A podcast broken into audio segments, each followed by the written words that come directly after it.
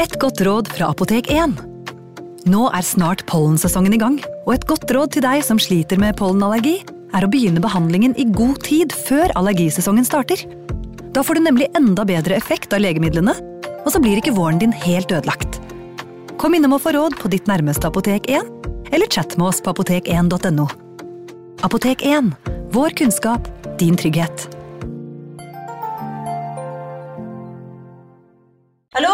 Jeg kommer fra Oslo politikammer.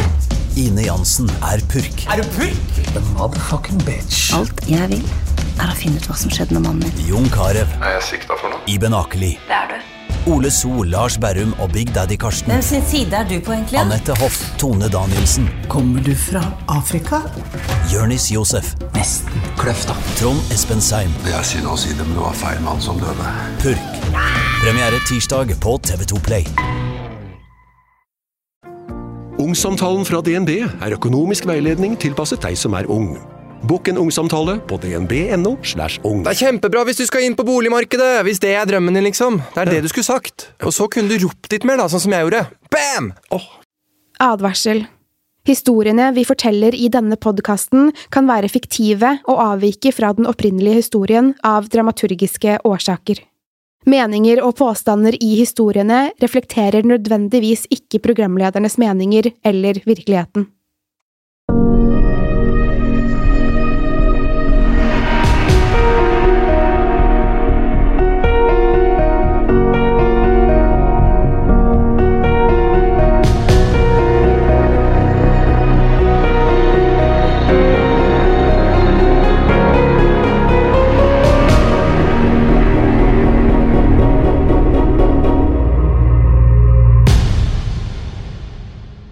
Jeg hadde lovet faren min at jeg skulle være hjemme til klokken tolv.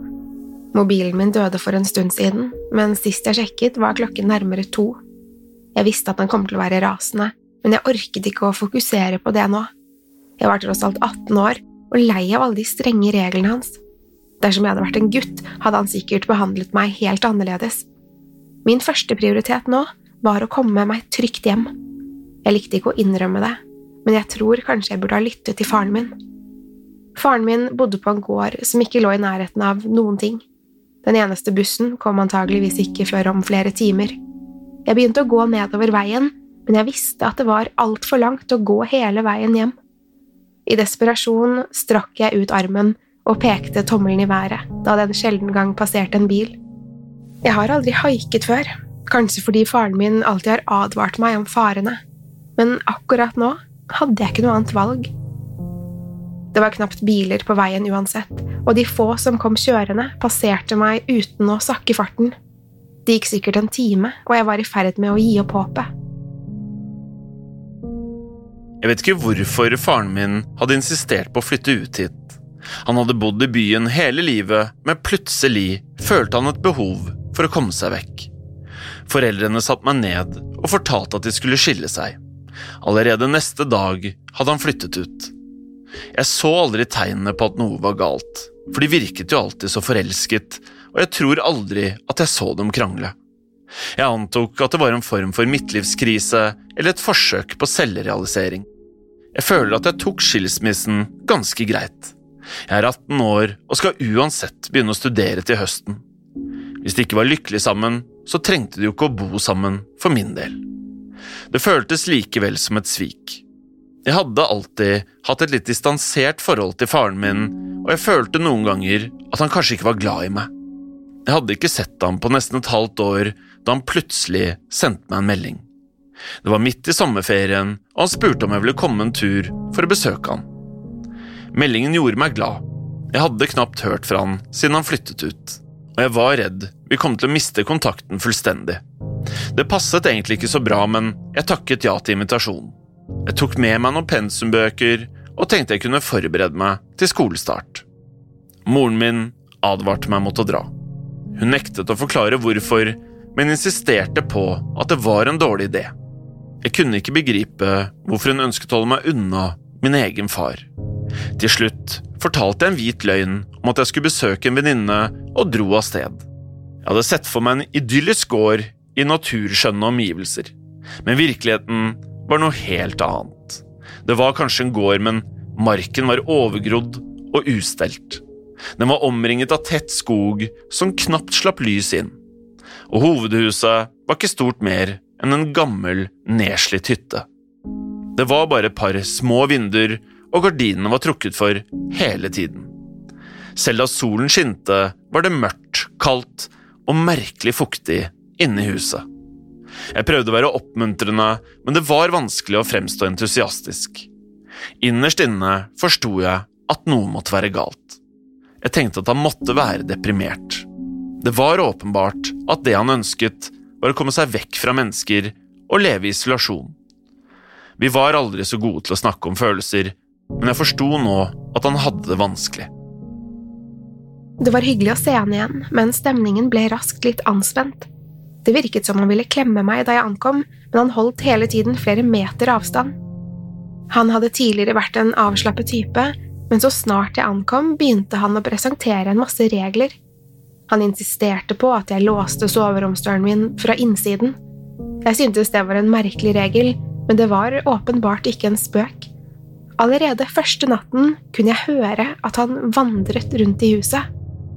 Og på et tidspunkt stanset han utenfor døren min. Jeg hørte at han lirket i dørhåndtaket, tilsynelatende for å sjekke om den var låst. Han fortsatte å vandre rundt før han til slutt gikk ut av huset. Etter hvert fikk jeg inntrykk av at han ikke sov i det hele tatt, men da jeg traff han ved frokostbordet, virket han alltid i god form. Jeg fikk heller ikke lov til å være ute etter at det ble mørkt. Jeg forsto ikke hvorfor han plutselig skulle behandle meg som et lite barn. Han insisterte på at han kun ville forsikre seg om at det ikke skjedde noe med meg. Likevel føltes det som en mangel på tillit. Det var uansett ikke så mye å finne på her, og solen gikk ikke ned før sent på kvelden, men det var irriterende å forholde seg til disse reglene. Jeg hadde håpet at vi skulle tilbringe litt kvalitetstid sammen, men jeg så han knapt på dagtid. Vi snakket egentlig bare sammen i noen få timer på kvelden, før jeg gikk for å legge meg. Da solen var oppe, gikk jeg turer, men heller ikke dette var særlig avslappende. I skogen rundt huset fant jeg stadig døde dyr. Jeg fant fugler, rådyr og til og med ulv, og det virket som at det dukket opp nye kadavere hver eneste dag. Noen ganger var de til og med hengt fra trærne på makabert vis. Til slutt bestemte jeg meg for å bare holde meg unna skogen. En dag da jeg spaserte langs veien, møtte jeg en gutt. Han inviterte meg på en fest, og jeg endte opp med å takke ja. Tanken på å drikke meg full med noen på min egen alder var akkurat det avbrekket jeg hadde behov for. Faren min var skeptisk da jeg fortalte at jeg hadde tenkt meg ut en tur på kvelden. Han lot meg riktignok dra så lenge jeg lovet å komme hjem før mørket falt. Jeg visste allerede at jeg ikke kom til å holde det løftet. Festen var ikke noe å skryte av, men det var bedre enn å være innesperret i det mørke, triste huset. Jeg drakk øl og smakte hjemmebrent for første gang i mitt liv. Før jeg visste ordet av det, begynte det å mørkne. Klokka ble ti, og neste gang jeg sjekket, var den elleve. Faren min ringte meg sikkert ti ganger, men jeg valgte å ignorere han. Jeg hadde ikke fortalt hvor jeg skulle, så det var uansett ikke noe han kunne gjøre med saken. Han fikk bare kjefte på meg neste morgen. Klokken to bestemte jeg meg for å dra hjem. De andre begynte å bli overstadig fulle, og på et tidspunkt bestemte to av guttene for å kle av seg til underbuksene og begynne å bryte på gulvet. Jeg så dette som et godt tidspunkt for å snike meg ut. Jeg var flere mil fra huset til faren min og ante ikke hvordan jeg skulle komme meg hjem. Da jeg til slutt bestemte meg for å krype til korset og ringe hjem, døde selvfølgelig mobilen. I mangel på en bedre idé begynte jeg å traske langs den mørke landeveien. Jeg gikk bortover veien med armen utstrakt og tommelen i været. Jeg har aldri forsøkt å haike før, og det var ikke en umiddelbar suksess. De få bilene jeg så, kjørte rett forbi meg. Folk har vel latt seg skremme av skumle historier om psykopatiske haikere. Til slutt var det likevel en bil som begynte å sakke farten. Den stoppet noen meter unna meg og rullet ned vinduet. Plutselig var jeg ikke like tøff. Idet bilen sakte begynte å rygge mot meg, fikk jeg en dårlig følelse. Det var en mørk, sliten varebil med sotede ruter. Da jeg så sjåføren, følte jeg meg riktignok noe bedre. Bak rattet satt en ung mann som kanskje var et par år eldre enn meg. Han hadde bølgete, halvlangt hår og smilte fra øre til øre. Med en vennlig og sympatisk stemme begynte han å prate til meg. Har du rotet deg bort? Nei, begynte jeg. Ikke egentlig. Så hvor er du på vei, da? Hjem, eller til huset til faren min. Han bor ved ødegården. Da er du langt hjemmefra. Ønsker du å sitte på, og jeg skal faktisk i den retningen. Jeg nølte et øyeblikk, men den vonde følelsen hadde jo forsvunnet, men jeg følte meg likevel usikker. Du gikk jo langs veien og haiket, fortsatte han. Sett deg inn, så kjører jeg deg. Han åpnet døren og veivet med armen for å indikere at jeg skulle sette meg i bilen. Kroppen min begynte å bevege seg før jeg rakk å bestemme meg. Jeg satte meg ved siden av han og smalt igjen døren. Vi kjørte langs den mørke landeveien. Vi var omringet av tett skog på begge sider, og det var ingen belysning her ute. Frontlyktene på bilen lyste opp veien foran oss. Vi satt der i stillhet. Han fokuserte på veien mens jeg forsøkte å komme på noe å si. Den eneste lyden var duringen fra motoren og hjulene mot veien. Går det greit om jeg tar et lite stopp på veien? sa han etter en liten stund. Det tar bare et øyeblikk, jeg lover. Han hadde ikke gitt meg noen grunn til å ikke stole på han, men den dårlige følelsen kom tilbake likevel. Jeg forsøkte å tenke ut et svar, men det kom ingen fornuftige ideer til hodet mitt. Jeg var kanskje litt fullere enn jeg trodde. Dette var utvilsomt siste gang jeg kom til å drikke hjemmebrent. Ja, ok, sa jeg til slutt, selv om hjernen min skrek nei. Han smilte til meg igjen, men denne gangen føltes det ikke like genuint. Da jeg så skiltet med avkjørselen mot huset til faren min, valgte han motsatt retning. Jeg vridde meg i setet, og jeg tror han la merke til at jeg var anspent. Slapp av, begynte han. Det er bare et par kilometer unna, du er hjemme igjen før du vet ordet av det. Hadde det ikke vært lettere å bare slippe av meg først, så slipper du å kjøre tilbake? prøvde jeg. Nå endret han plutselig tone. Den vennlige minen var ikke lenger mulig å spore i ansiktet hans. Utakknemlige kjerring, ropte han plutselig. Her kaster jeg bort kvelden min på å gjøre deg en tjeneste, og så reagerer du sånn? Jeg ble satt ut av det plutselige utbruddet. Jeg forsto at jeg var nødt til å trå varsomt. Jeg mente det ikke sånn, jeg tenkte bare at du ville spare litt tid, jeg setter pris på kyssen. Han responderte ikke på unnskyldningen min. Han fokuserte bare på veien foran seg mens han forsøkte å roe seg. Vi kjørte i flere kilometer uten at han sa noen ting. Vi var fremdeles omringet av skog, og jeg hadde ikke sett et hus på lenge. Hvor skal vi egentlig? spurte jeg til slutt. Vent og se, det er en overraskelse. Smilet hans returnerte nå, men det var ubehagelig og blottet for følelser. Et par kilometer senere svingte han av på en liten skogsvei. Vel, det er kanskje å overdrive å kalle det en vei. Det var heller en sti som tok oss dypere og dypere inn i skogen. Til slutt kom vi til en lysning i skogen. Fullmånen kastet et blekt lys over trærne, men det hadde vært umulig å se noe uten frontlykter. Her stanset han bilen og lot den gå på tomgang. Stian, sa han etter en liten stund. Jeg så spørrende på han. Jeg heter Stian. Jeg tenkte det kunne være fint for deg å vite navnet mitt. Jeg var livredd, men forsøkte å ikke avsløre noen av følelsene mine. Elisabeth, sa jeg til slutt. Jeg forstår at du er redd, men det er egentlig ikke noen grunn til at du skal være det. Så lenge du gjør som jeg sier, kommer dette til å gå helt fint. Hva er det som foregår? spurte jeg. Jeg visste ikke om jeg egentlig ville høre svaret. Han smilte til meg igjen før han åpnet døren. Jeg hadde lyst til å løpe, men jeg la merke til at det ikke var noe dørhåndtak på min side. Den eneste utveien var på sjåførsiden. Det var uansett altfor mørkt til at jeg ville komme meg noe sted. Jeg kunne ikke se annet enn skogen foran meg som ble lyst opp av frontlyktene på bilen. Jeg hørte at han romsterte gjennom bagasjerommet før han dukket opp igjen utenfor vinduet.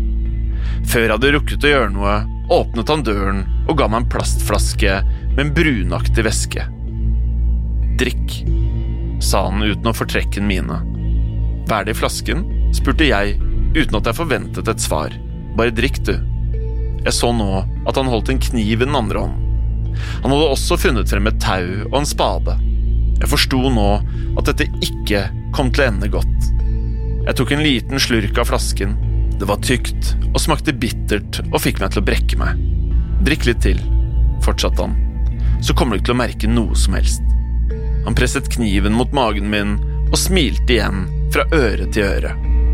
Jeg forsto at jeg ikke hadde noe valg. Dette var ikke riktig øyeblikk til å forsøke å gjøre noe heltemodig. Jeg tok en ny slurk av flasken. Så snart jeg hadde svelget, begynte jeg å føle meg ør. Alt føltes plutselig som det skjedde i sakte film. Jeg begynte sakte å forberede meg på å dø. Jeg håpet at det ville gå fort, men jeg hadde følelsen av at Stian hadde helt andre planer. Plutselig så jeg en skygge i sidesynet som passerte langs trærne. Jeg tenkte at det måtte være et dyr, men det beveget seg unaturlig raskt. Det virket som at Stian la merke til det også. Han snudde seg mot trærne og begynte å veive med en lommelykt. Den lykten kan være min redning, tenkte jeg mens jeg stadig følte meg sløvere.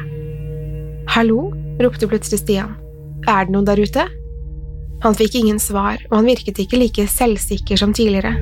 Da han snudde seg mot meg, dukket skyggen opp igjen foran oss. Den skjøt foran bilen i et ekstremt tempo. Stian tok noen steg tilbake. Han holdt kniven fremfor seg mens han presset ryggen mot bilen. Hallo, ropte han igjen, men ingen svarte. Det var helt stille, bortsett fra duringen fra bilmotoren. Det var ingen fottrinn eller dyrehyl som hintet om at vi ikke var alene. Stian hadde åpenbart latt seg skremme, og han begynte å gå rundt bilen. Han åpnet døren på førersiden for å sette seg bak rattet. Uten å tenke seg om la han kniven og lommelykten mellom oss. Hodet mitt spant fremdeles, men jeg visste at jeg var nødt til å gjøre noe. Jeg grep kniven og hogg den inn i skulderen hans. Blodet skjøt som en fontene mot meg og sprutet i ansiktet mitt. Jeg grep så lommelykten og kastet meg gjennom den åpne ruten. Planen min var å løpe så fort jeg kunne gjennom skogen, men bena mine sviktet. Jeg hadde ikke innsett hvor dopet ned jeg var. Jeg ble liggende på bakken mens jeg kavet med armene. Jeg kom meg ingen vei. Jeg hørte at bildøren smalt igjen, og deretter fulgte fottrinn som stadig kom nærmere. En hånd grep snart tak i meg og rullet meg rundt på ryggen. Over meg sto Stian. Kniven stakk fremdeles ut av skulderen, og blodet rant nedover armen hans. Likevel smilte han til meg. Jeg hadde tenkt til å være snill med deg, men hvis du vil at jeg skal være slem, så kan jeg godt være slem. Han grep tak i kniven og begynte å røske den ut av skulderen. Han skrek ut da knivbladet til slutt var ute av armen. Deretter bøyde han seg ned og satt på huk over meg. Han begynte å føre det blodige knivbladet over kroppen min. Deretter skar han opp kjolen min så magen min ble synlig. Han tegnet sirkler på huden min i sitt eget blod, så det nesten lignet en målskive. Dette så ut til å more han. Han lo høylytt av sitt eget design. Han hevet kniven over hodet og gjorde seg klar til å hugge løs. Jeg lukket øynene og ventet på å dø. Men før jeg visste ordet av det, var det noen som grep tak i Stian og dro han av meg. Han ble kastet vekk med en voldsom kraft, han lå nå urørlig foran bilen, i lyset av frontlyktene. Plutselig så jeg hva som hadde grepet tak i han. Det var ikke et dyr, men det var heller ikke et menneske. Det var en slags mellomting, ulikt noe annet jeg hadde sett tidligere. Det så først ut som et menneske, men alle proporsjonene var helt feil. Ansiktet var forvridd, og det stakk lange hoggtenner ut av munnen til skapningen. Likevel var det noe gjenkjennelig med denne skapningen. Da jeg fikk summet meg, innså jeg at dette var et ansikt som jeg hadde sett uendelig mange ganger. Det var faren min som hadde kommet for å redde meg. Han grep tak i Stian og løftet han opp uten å anstrenge seg. Han stirret på den hjelpeløse mannen før han bet seg inn i nakken hans. Stian skrek og forsøkte å kjempe seg løs, men kreftene så ut til å forsvinne fra kroppen hans. Han ble stadig slappere og blekere, og etter hvert hang han der, helt urørlig. Faren min, hvis han virkelig var han, slapp Stian ned på bakken. Ansiktet hans var nå fullstendig uthulet, og ansiktet var låst i en skrekkelig grimase. Likevel fylte dette synet meg med en morbid tilfredsstillelse. Den jævelen hadde fått det akkurat som han fortjente. Skapningen kom mot meg begynte sakte å ta en mer gjenkjennelig form. Da han sto et par meter unna meg, var det faren min som sto der. Kroppen og ansiktet var nå akkurat som det skulle være. Jeg begynte å lure på om det hele bare hadde vært en hallusinasjon. Jeg var så dopet ned at jeg ikke var i stand til å stå. Kunne det være at jeg bare innbilte meg alt sammen? Faren min stanset plutselig og nektet å komme helt bort til meg.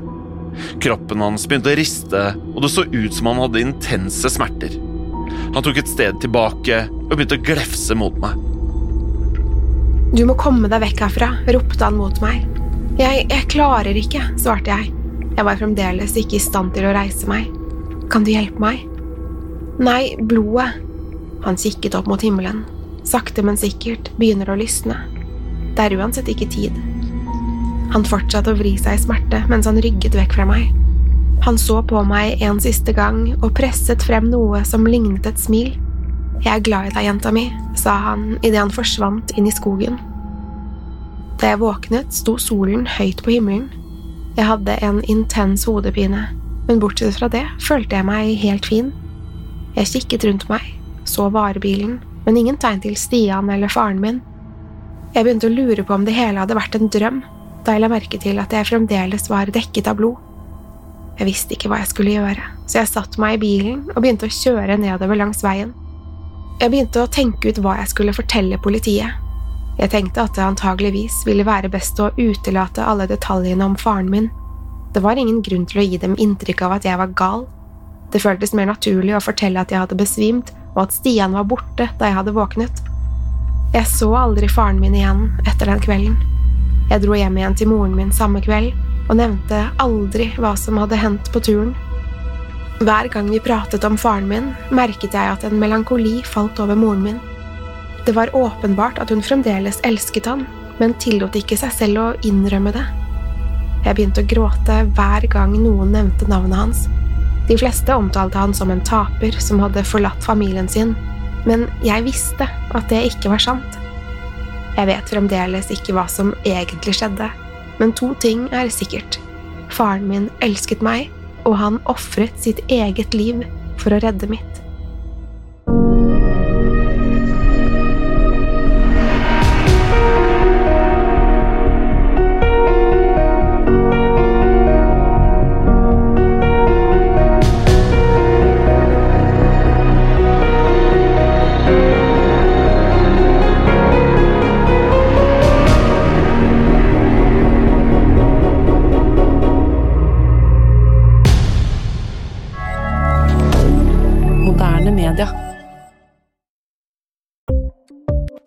Ukens annonsør er Folio, en smartere banktjeneste for deg som har en egen bedrift eller ønsker å starte for deg selv.